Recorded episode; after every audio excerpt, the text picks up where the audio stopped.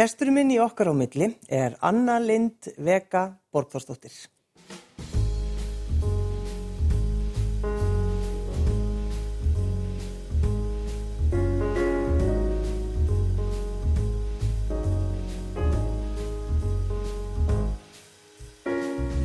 Takk fyrir að sitja hjá mér.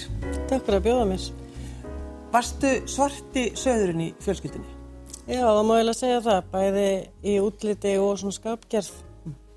Fjölskylda mín er eiginlega ljósað með blá augu. Svo kem ég litli múlatinn. Var það líka svona hvernig þú bara, hvernig þú varst? Já, ég verður ekki verið, Tilfinningarnar? já, miklu opnari með tilfinningar, þú veist, ef ég var reið þá var ég rosareið, ef ég var glöð þá var ég rosaglöð og allt þar á milli. Heitandi Anna Lind, mamma kallaði mig oft Mislind, Já.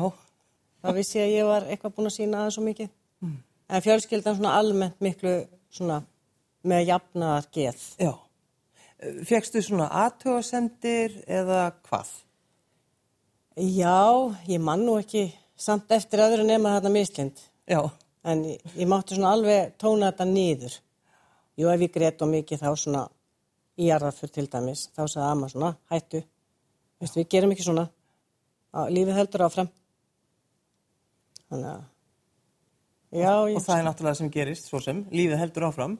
já, en mér fannst bara eðlilegt að sína tilfinningar. Þú, veist, það er ekkert sem þú breyðir yfir. Þú hef, hefur alltaf þína tilfinningar inn í þegar engin, getur engin annað sagt þér hvað þú átt að finna og hvað þú átt ekki að finna. En hvenær fórst að, að, að hugsa um þetta, sko, þú horfður í speil og horfður bara í augun þín með þessi brúnu augu, þú svona dökk. Pældur eitthvað í þessu? Nei, ég pældi ekkert í því. Það, eh, einhvern veginn, maður var svo kannski ekkert mikið að horfa í speil. Nei. En það var vinkona mín sem bjó á, sem, ég, sem bjó og var voða mikið hjá móðurammi minni, Annu. Og hún einhver tíma þá er ég eitthvað ekki alveg eins og hún vildi hafa mig og hún segir við að ég hef fundist í táakorfi fyrir utan. Og mér verður nú svolítið um og óvegna þess að það var alltaf hættöld að vera settur í táakorfi fyrir utan tjarnagötuna, bílarnar að keira þarna bara rétt hjá og svona. En ég sagði að það var ekki satt hjá henni. Hún var að ljúa þessu. Og hún sagði, horfðu bara í speil. Þú ert eina sem ert með brún augu. Þannig að ég fór, þá fór ég að svona hugsa þetta. Hva, hvað ertu gömul þannig? Þarna ég er svona tíu ára. En hvernig, hvernig var æskan þín?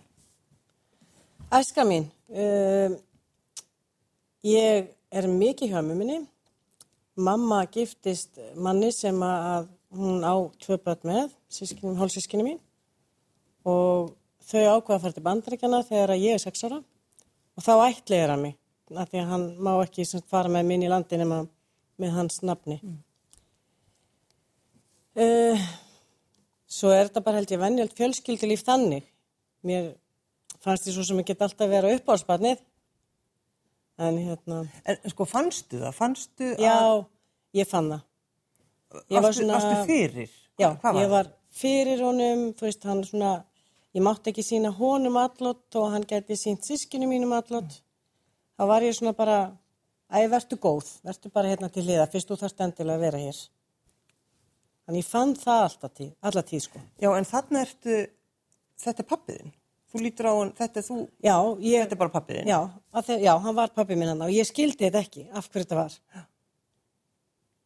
En, en spurður einhvern eða... Nei. ekki fyrir ég er án tíu ára og mér er sagt að ég finnist í tákurunni. Já. Þá fór ég að hafa verulega áhyggjur af öryggi mínu sem hefði verið þannig. Og spurði að móður að mér mína sem að var bara eiginlega mín besta vinkona og sagði að hún mætti alls ekki segja mömmu að ég var að spurja hvort þetta væri alveg fóreldra mínir og ég lofaði henni að ég myndi borga henni túkall og ísin í tjarnabú var þá 1,80 þannig að þetta var tölvöru penningur. Mm. Og hún segi mér bara að þetta séu fóreldra mínir og með það bara fer ég aftur út að leika og fer svo heim í strætó til mammu, við byggum upp á hálitsblut og þegar ég kem heim að þá situr mammin í stofu og þá var komin stundin, nú ætla hann að segja mér þetta. En þegar þú segir, sko, spyrð ömmu þín að þessu, ef þú hugsa tilbaka, var hún hissa? Nei, en hún, hér, hún var kunstoppari, hún held bara áfram að stoppa. Og sagði bara hvað ætlar að spurja og svo svaraði hún bara já, þetta eru fóreldrarnir og ég sagði bara ok, þú veist, þá, ég þurfti ekkert meira útskýringar, maður er bara tíu ára og bara einfalt svar bara dögði þannig að þá skýringin var þá að ég var allavega ekki í táakörfunni Nei. Nei. en, en ert að pæli í þessu bara út af því að, að vinkonaðin segir Já. þessa setningu? já, Annars varstu ekkert búin að vera ekki neitt ekki á þessu tímabili Og þú fer, tekur stæðdóin og hittir mömmuðina. Já, og hún situr bara í stofu og kallar á mig til sín og segist þurfa að tala hans við mig. Ég var eiginlega ekkert búin að spá í þetta held ég á leiðinni heim og, og var ekkert að hugsa þetta sérstaklega. Þetta var bara ég var búin að fá svar og þá var það bara nóg. Og þá segir hún mér það sem sagt að hún hafi kynst manni áður en að hún er með pappa, Borgþóri og, og sem sagt hans er faður minn og hann hafi verið í hernum hérna á Íslandi. Lætu mig hafa nokkur bref sem að hann hafi skrifað, segir að hann hafi þurft að fara í skyndi og, og hérna, þetta hafi ekkert sagt, átt að vera. Já, hún það hefði ekki að- verið já. tilbúin til að fara út og hann ætla ekki að koma heim.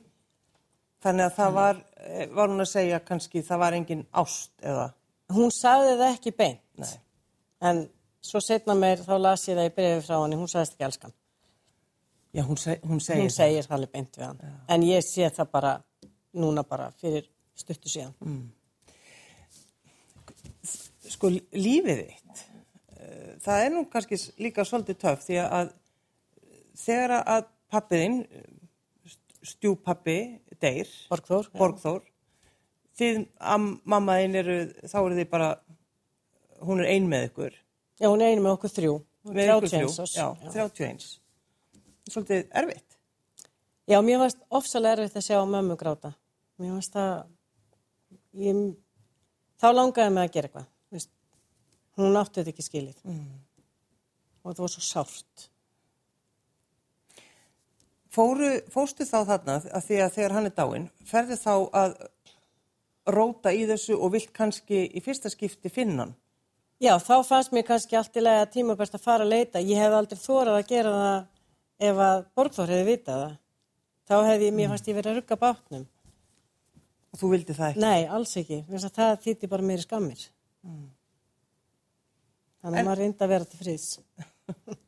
En, en sískinni þín? Sko, bróður minn er bara nýjára þegar deyr og, og sýsti mín er bara rúmlega tveggjara. Þannig að það er svo sem ekkert komið í ljós. Og þegar hann, sko, hann fann náttúrulega ekki neitt og begga sýsti mín var svo lítil og, og í raun og veru var hann búin að vinna úti eiginlega megnið af þessu ári sem hann deyr. Hann var að vinna út í Alaska. Þannig að hún í raun og veru umgengast hann bara í eitt og hálft ár og bróður minn bara fyrstu áttu árin og áttu er maður kannski ekki mikið að spá hvort að það er eitthvað misjáft tekið á hlutunum heima, þetta bara Já, já. En svo, svo ertu 25 ára, já, uh, bara lifir þínu lífi, ert að njóta lífsins. Og þá veikist mamma þín. já. Hún fær krabba minn og tekur mjög brátt að. Hún er bara dáin inn að þryggja mánu sýsti mín er 15 ára og örðan náttúrulega munaðlaus samkvæmt íslensku lögum bróður minn 22 ára og við vorum eiginlega bara þrjú eiginlega á götunni mamma var búin að lána veð í húsinu sínu og það var alltaf að fara hundana Hvað, hvað, hvað gerði þið? Ég fekk náttúrulega bara aðstóð. Uh, við minnir að Jóhanna Sigurðardóttir hafi verið félagsmála ráðara og aðstóða maður hennar. Hann sagði bara að uh, nú verður þú að hjálpa okkur að finna heimili fyrir sýstíðina eða hún fer á eitthvað annað heimili en við berum ábyrð á henni. Í raun og verður ekki þú. Þannig að þá var að spurningin ætlaði ég að setja, senda sýsti mín eitthvað annað. Þetta var nú sýsti mín sko. Þannig að eða fara að gera það sem ég ætlaði kannski að gera læra eða gera eitthvað. Þannig að ég ákvaði að vera heima. Gæti ekki hugsa mér að hún myndi alast upp í ókunum og engin einhvern veginn í fjölskyldunni í þeim aðstæðum að taka hann að sér. Þannig að frá því hún er 15 ára þá er hún búin að vera hluti af mínu. Hún reyndar flytur svo, ég held hún að það er 19 ára, þá flytur hún til Bretlands til föðusist sinnar. Já. Þannig en, en sko, þú berð þá ábyrð strax Já. þarna og það hlýtur að hafa svona, ef að segja, gert þið að þeirri manneski sem þú ert í dag. Já, sko 25 ára þá er ég alltaf búin að gera þetta samt í mörg ár vegna frá því að pappi dó þá fyrir mamma að vinna út á loftlegum og er þar í veitingadeildinni á 12 tíma vöktum. Þannig að 15 dag í mánuði þá sá ég um heimilið og var í skólanum bara sem bad bara í mínum grunnskóla. Já. Þannig að sýsti mín bara, það var engin dagmamma eða neitt svoleiðis. En hvenar, Anna, hvenar ferðu af, sko bara alvöru að leita pappaðinum? Um, sko, ég held að ég hafi farið í það, hérna, samtök sem héttu stríðspötn á Íslandi. Það var alltaf gert grína mér, þetta heiti War Babies. Ég væri stríðspötn á friðarstímum. Já, já. En hann Björn Leosson, hann sagt var formað þess, þeirra samtaka og borgin held ég styrti. Og hann hjálpaði mér ansi mikið. En einhvern veginn enduðu við alltaf á, veist, við fórum að senda bref, svona staðlað bref til þeirra sem báru sama eftirnafn og voru í kringum Kaliforníu þar sem að síðast adressannars pappa var. Fundum aldrei neitt. Og ég fer sem áhöf setna mér, átt ára setna til Kúpu, af því að við heldum að mamma samt sagði að pappi væri frá Kúpu. Og þar var farið á skráningarskrifstofur að leita og ekkert fannst einhvern veginn endaði alltaf í botgötu. Já. En eh, mamma einn segir þetta, Anna, já, hann er frá Kúbu Hann er frá Kúpu.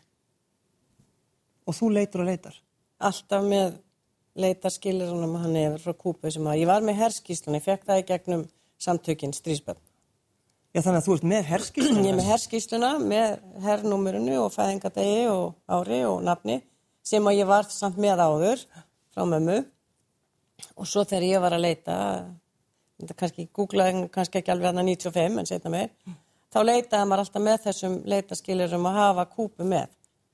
Af því að vega er bara algengt nafn eins og Jón eða Guðmundur hér heima. En brefin, að þú nefndir bref. Frá að- honum? Já. Þannig að hann, hann skrifar mömmuðinni. Var hann með einhverja bara von í brjósti eða? Já, hann elskaði mömmu og hann vildi koma og ala upp sitt fyrsta barn og sagt, á einhverjum tímapunkti þegar hún hafi svarað honum einu brefi held ég, sem ég vissi nú endar ekki að fyrir núna bara nýlega, þá hótar hann að fara í fransku útlendingahersvitina og hann ætli bara að klára þetta fyrst að hann með ekki koma og vera með henni og upp þetta barn.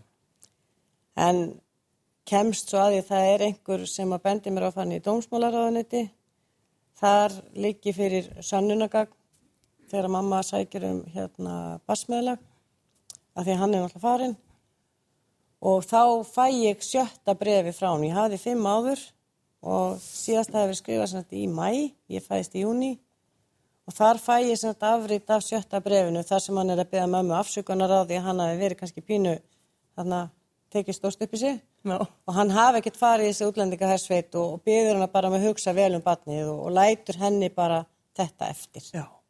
En, en er til bref það, það sem mamma einn segir, það er fætt stúlka? Já, Eða- það, ég vissi bara af því núna í, í november. Þá sagt, er til bref þar sem að mamma segir að það er fætt stúlkubarn og hvað ég er sagt, stór og í því brefi segir hún ég mun ekki koma út af því ég elska þig ekki. Já. Þannig hann veit að mér, veit í hvað mánu ég fætt og örglega hvað dag, ég mann það nú ekki alveg, örglega. Þannig að hann veit alveg af tilvisminni og þetta hafi verið hefnu fæðing. Já, stóð það? Já. En, en þannig að þú, þú loksins finnur hann. Já, það er ekki fyrir núna bara í ágúst Þú, leit, þú leitar að honum í 48 ár. 48 ár, frá því ég vissi fyrst. Kom aldrei neitt svona, ég bara nenni þessu ekki lengur. Jú, sko þegar að eins og þarna 95, þegar við skrifum þessi bref, sem eru sem ég held að þetta hefur 8 að 9 bref, og einhvern veginn að hálsmánaðlega þá fannst mér eitt brefi koma tilbaka return to sender og þá brotnar allt. Sem þá bara greit ég og bara síndi öll mín tilfinninga hérna allan skalan sko. Og þegar ég var búin að fá eitthvað að þeim brefum tilbaka en enginn svaraði mér, hinnir hafa sjálfsagt hent bara í ruslið. Já. Það lendi ég sem aldrei hjá réttri fjölskyldu. Þá hugsaði mér, nei, nú geim ég þetta. En er þetta þannig að er tilfinningin svo svona rosalega sterk? Að vilja vita uppruna sinn? Já, hún er það. Af því þú ert að spá í sko bara, þú veist eins og hvaðan fæ ég þessa litlu yrnastnefla. Ég veit núna að ég fæ það frá pappa mín. Þeir voru ekki frá mömmu. Nei. Og alveg sama að þú ert að fara í svona einhverja rannsókn eins og hérna ég fór í rannsókn hjá Íslenska erðagreiningu, var í svona úrtaki og þá var verið að spurja mig um eh, sjúkrasjóna. Ég veit náttúrulega bara alltaf helmingin. Ég veit ekki hitt. Vist, ertu með ónæmi? Færðu það frá mömmuðinu eða pappaðinu? Ég veit það ekki. Kanski frá mömmu.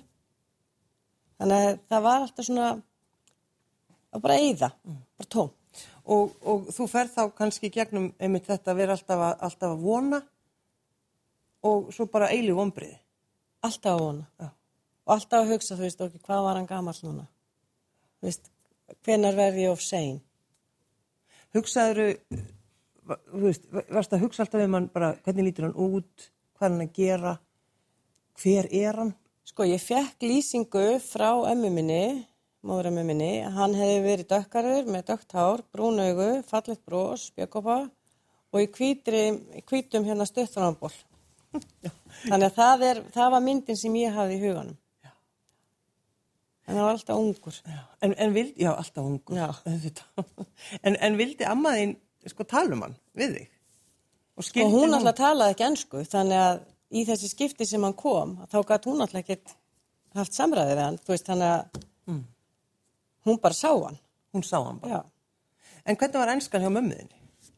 Hún hefur öruglega ekki verið mjög góð, hún er grunnskóla gengin og efast um að hún hefur mikið þurft að nota ennsku og ég sé það á fyrra brefin hennar sem að ég fekk svo í hendurna núna í nómabera að hún hefur semst, þetta hefur ekki, hún hefur ekki sleip í ennskunni. Nei.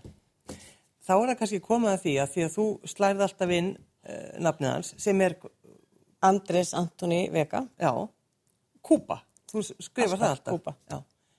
Svo bróður þú alltaf innu að gera eitthvað annað. Já, ég hérna, núna í ágúst þá rakst ég á, á netin einhver staðar að það væri sagt, svona zoom-fyrirlestur hjá ættfræðingi í háskóla út í Pittsburgh og þessi fyrirlestur hétt 10 top tips að leita að einhverjum Já.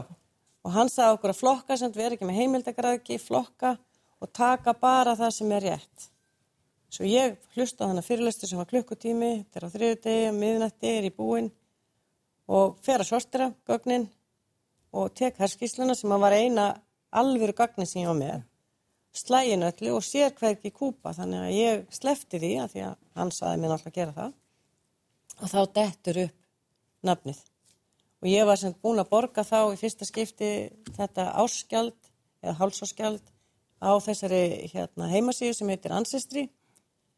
Og þá bara dettur upp nafnið að þeir leiti allum skrám þessi, þetta, þessi heimasíða og fyrsta sem ég sé það er leggsteinnin. Bara minn nafninu og svo bara fullt af ættingum undir. Þannig að ég les í raun og veru minningagreinina, það eru fyrstu kynni mín að hver pappi var sem er við liðin á, á vefsíðinni.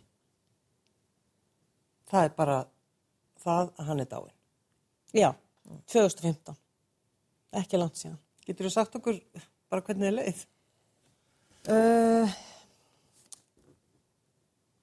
ég auðvitað söknuður að hafa ekki kynst honum. En hérna, ég sá myndina á honum og að lesa, hann hefur verið góðum aður og hann var velliðinn og ég var svona, ég var svolítið sátt samt í hjartanu sko við að hann hafði eins og maður segi meika það í lífinu. Hann, veist, hann var, hann var alvöru. Það var ekki bara eitthvað í huganum á mér sem að dó fyrir 50 árum. Hann var lif, lifandi allan tíma. Svo ferðu að grúska meira, er það ekki? Þú ferðu og sendir, Ég sendi bara strax þannig ég er búin að senda bara hálftíma setna áður ég fer að sofa. Þá ákveði ég að velja, það eru semst, virðast vera eins og fimm bræður og svo koma börn og maki fyrir neðan af því þau hétu öll vega. Þannig ég ákvaði að velja nöfnum mína. Hún heitir Anna M, Anna Marí. Og skrifa henni, bara finn hann á Facebook, það var eina sem ég fann eiginlega á Facebook líka. Og skrifa henni bref og hún, þegar ég vaknaði þá var hún sem búin að svara mér og við skiptumst þarna á tveimur, þreimur messageum eða skilabóðum og klukkan þrjú þannig miðugudag þá á ég orðið fjölskyldu. Þannig að hún, sem þau vissu alltaf af mér, þannig að þegar ég sendi henni bref að þá þegar hún bara vita sagt, í veru í sambandi við hvað er þetta og í hvað mánuði ég er fætt sem að mér varst mjög skrítin spurning. Mm. En ég segi henni svo í sambandi við hvað þetta sé og ég sé fætt í júni og hún skrifa strax tilbaka til hamingi þú er búin að finna okkur. Já. Við erum fjölskyldaðin. Til hamingju, Takk fyrir. þú ert búin að finna, þú finnur fjölskylduna þína. Já. Þarna úti á ég stjúpu og fimm sískinni og svo bara fullt af öðru ættfólki. Þeir voru svona fimm bræðurnir, pappi og hans bræður. Og, og voru ekkert frá Kúbu. Hvaðan var pappiðin? Hann er frá Nicaragua. Að, sko það er eina sem að í raun og veru kemst ekki til skila þegar mamma er að segja mér þetta. Hún segir mér að foreldrarnir hans, afi minn og amma, hafi verið tópas ykkur bændur, sem er rétt. Hún segir að hann hafi flúið ástand, kommunist ástand eða svona, já, sem hann gerir, en bara ekki frá Kúpu, heldur frá Nicaragua. Og á þessum aldri, 59, það, þú veist, árið 1959, hann er hérna 17-18 ára. En sjálfsagt hefur hann sagt en hann byggi í Yuba City sem er í Kaliforníu en mamma hefur ekki tengt það öðruvísi en að hann væri frá Kúba í stæði fyrir Yuba. Já. Þannig að í raun og veru er ég að leita að kolröngum manni í 48 ár. og, og hefur alltaf haldið, já ég er frá Kúpu og svo ertu bara frá Níkarag. Já, já, ég á kúbanskan sandheima og með kúbanskan stittur og kúbanskan skáp og, og nú er þetta bara, þetta er bara þarna. Já. En eh, annað, þú hefur samband við þau Já, vel, og segir bara, þú veist, þau eru bara tilbúin að hitta þig. já. Þannig þú, þú ert ný komin tilbaka. Já, ég fór í lok nóvember, þá fór ég í tíu daga ferð til þeirra og var inn á heimilinu, þau byggðu mig gistingu. Það var svona í nokkra sekundur sem ég fór að spáði hvort ég ætti ekki bara að vera á hóteli, en góði vinnum minn hann sagði það verður meiri dýft þú ert inn á heimilinu ef þau eru búin að bjóða þeirra. Og farðu einn, þannig að þú sést einn að kynnast þessum hópa því hópurinn þekkist allir innbyrðis, sé erfiðara fyrir hóp að kynnast hóp, Þegar þú kemur niður bara rúlustegan. rúlustegan, á flugvellinum í Sacramento. Þá bara sá ég þau og við bara eiginlega hlupum í fangið hvora annar, ég og sýsti mín. Og svo stóðu þeir að næðast fyrir aftan og ég var alveg jafnrætt, fór alveg jafnrætt til, til þeirra. Þetta var bara strax bara fjölskylda. fannst þú alveg inn í hjartanu? Alveg allaleg. Ég var bara komin heim. Þegar þú reynir að skýra það út, finnst það sko, finnst þér það erfitt? Nei, ég bara, bara eins og þú þegar þú fer heim. Bara þú ert komin heim. Ég bara fór inn á þetta heimili og þau eru þar öll núna. Það er verið að laga til hússysti minnar og stjúpa mín er þar og þarna átti ég bara heima. Og við töluðum um það öll. Þau eru náttúrulega búin að vita að mér allan annan tíma en ég er raun og veru svo eina sem er að uppgöta eitthvað nýtt. Þú ert náttúrulega bara íslenska dóttir pappa. Já. Var það Já, ekki talað þannig? Já. Nágrannir sem að byggu við hliðin á pappa og stjúpum minni, þau, það vissu allir að mér og fólk kom að skoða mig, Já. kom að skoða þessi íslensku. Þarna er hún komin loksins. Já, Já. það er hún búin að heyra margt um þig sko, en samt ekki. Mér langar svolítið að fá að vita hvernig áttundi dagurinn var með fjölskyldunuðinni. Já, Að þegar þú ferð í kirkjugarðin. já. Sko, það klætur sér náttúrulega allir aðeins upp, sem að var svona ekkert dagstaglega að gerast þarna. Þetta var svona meira svona bara verið þægulegum stuttan á búla galaföksum. Og eh, sem, eh, systir stjúpum minnar og maður hennar fara með og þetta var svona hátilegt og það er kert blóm og, og þetta er í herrkirkjugarði þó hann hafi ekki verið hernunema í 5-6 ára þá fá þeir að vera þar og hann er sem brendur þannig að þetta er eins og svona minningarveggur sem er svona hólfi og þau, maður sér það alveg að þau þekkta náttúrulega Þannig að það verður meiri svona tilfinning hjá þeim. Fyrir mér er ég náttúrulega bara að koma að bara, sem þetta er bara í raun og veru minningaskjöldur hann, þó, þetta er askan hans, þó að hann sé grafin þarna, að þá er það ekkert sá sem að ég var að geima í mínu hjarta. Þú veist, ég segi nokkur orð á íslensku, bróði minn, miðjan, sagt, af bróðurinn mínum, hann segir, vilt að ég taki myndaðir með leggsteinunum? Nei. Ó, ok, segir hann. Ég segi, fyrir mér er ekki málið að eiga mynda mér með leggsteinunum. Ég vil frekar eiga minningu pappa. Vist, þetta var hátilegt og öðruvísi, en mér fannst miklu skemmtilegra að vera heima við það sem hann bjó, sjá dótið hans, eh, skoða myndir af honum, þeir voru sína með vídeo og þessi Andi bróður minn sem er samt 43 ára, hann er svona talsmaður þessara fjölskyldu sem býr hann úti og hann notaði þessa tíu daga sem ég var til að segja mér og kynna mig fyrir pappa, bæði góðu og slæmu. Þannig að hann, það var bara frá því ég vaknaði á mótnana, þangar til ég bara var að loknast út á kvöldin, að þá voru við í einhvers konar spjalli eða skoðamyndir og þú veist, hann saði mér allt. Hann var, sagði, ég er að reyna að fylla upp í það sem að þið vantar. Þetta síðasta púsluspil. Að þú talar um bæ alltaf góða og, og líka slæma. Já.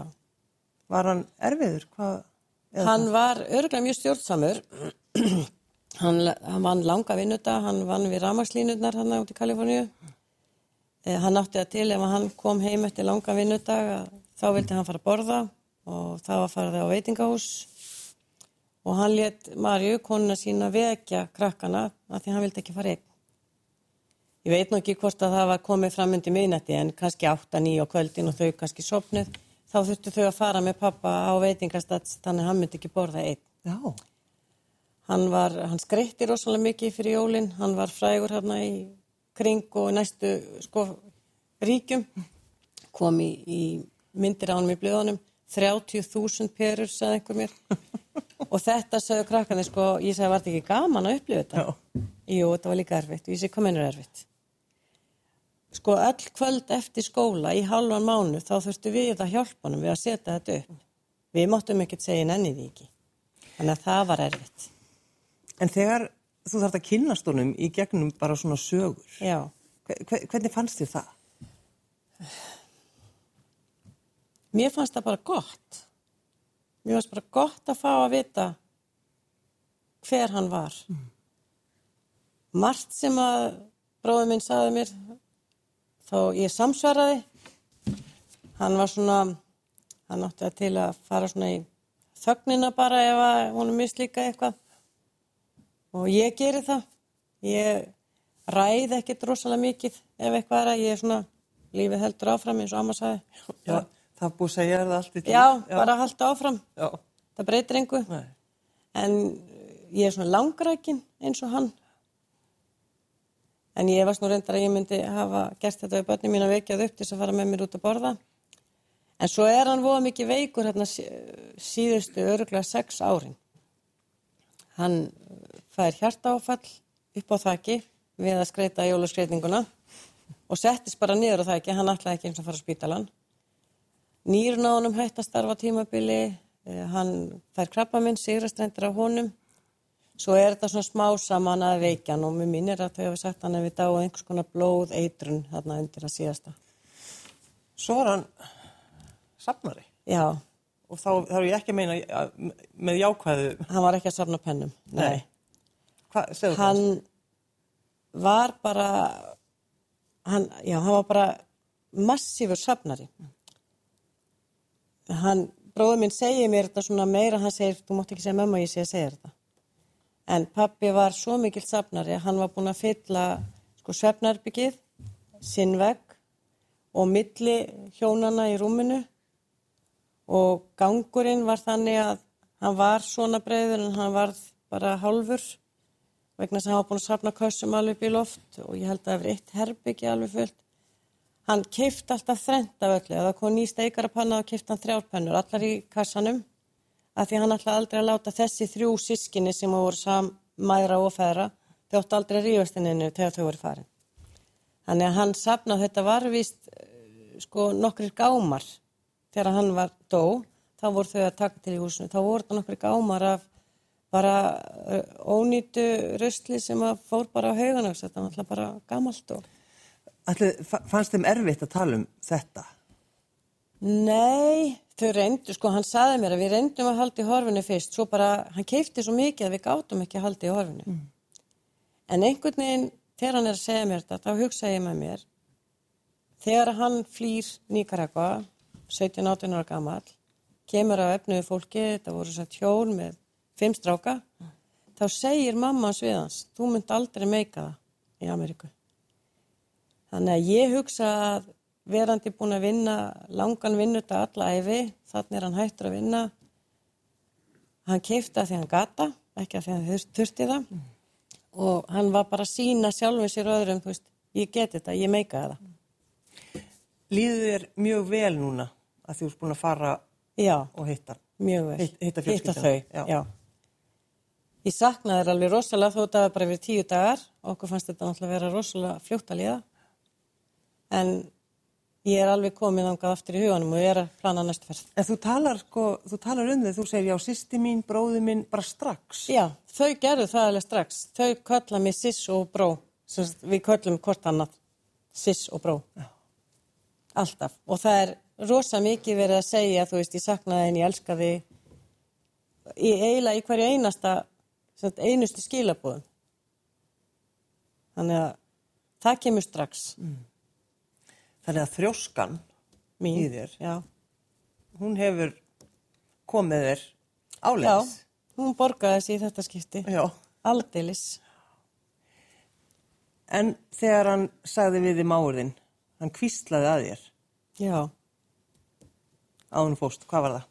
Ég varst um að sískinni mér viti hvað hann sagði mér. Hann er sett uh, giftur sýsti minni, býr hann inn á heimilinu og ég satt úti í sólinni allstam á morguns og hann kemur til mín með kaffibóllan handa mér og lítur svo í kringum sig og segir ég ætla bara að segja það, ég á ekki að segja þetta ég held að þú hefur verið heppin ég held að lífið hérna með pappa þínum hafi verið ofsalega erfitt á krakkana hérna þannig að þú varst kannski bara heppin að hafa alist upp þar sem þú ólst upp. Anna Lind, Vega Borgþórsdóttir. Takk fyrir að sitja hjá mér. Takk fyrir að fá mig til.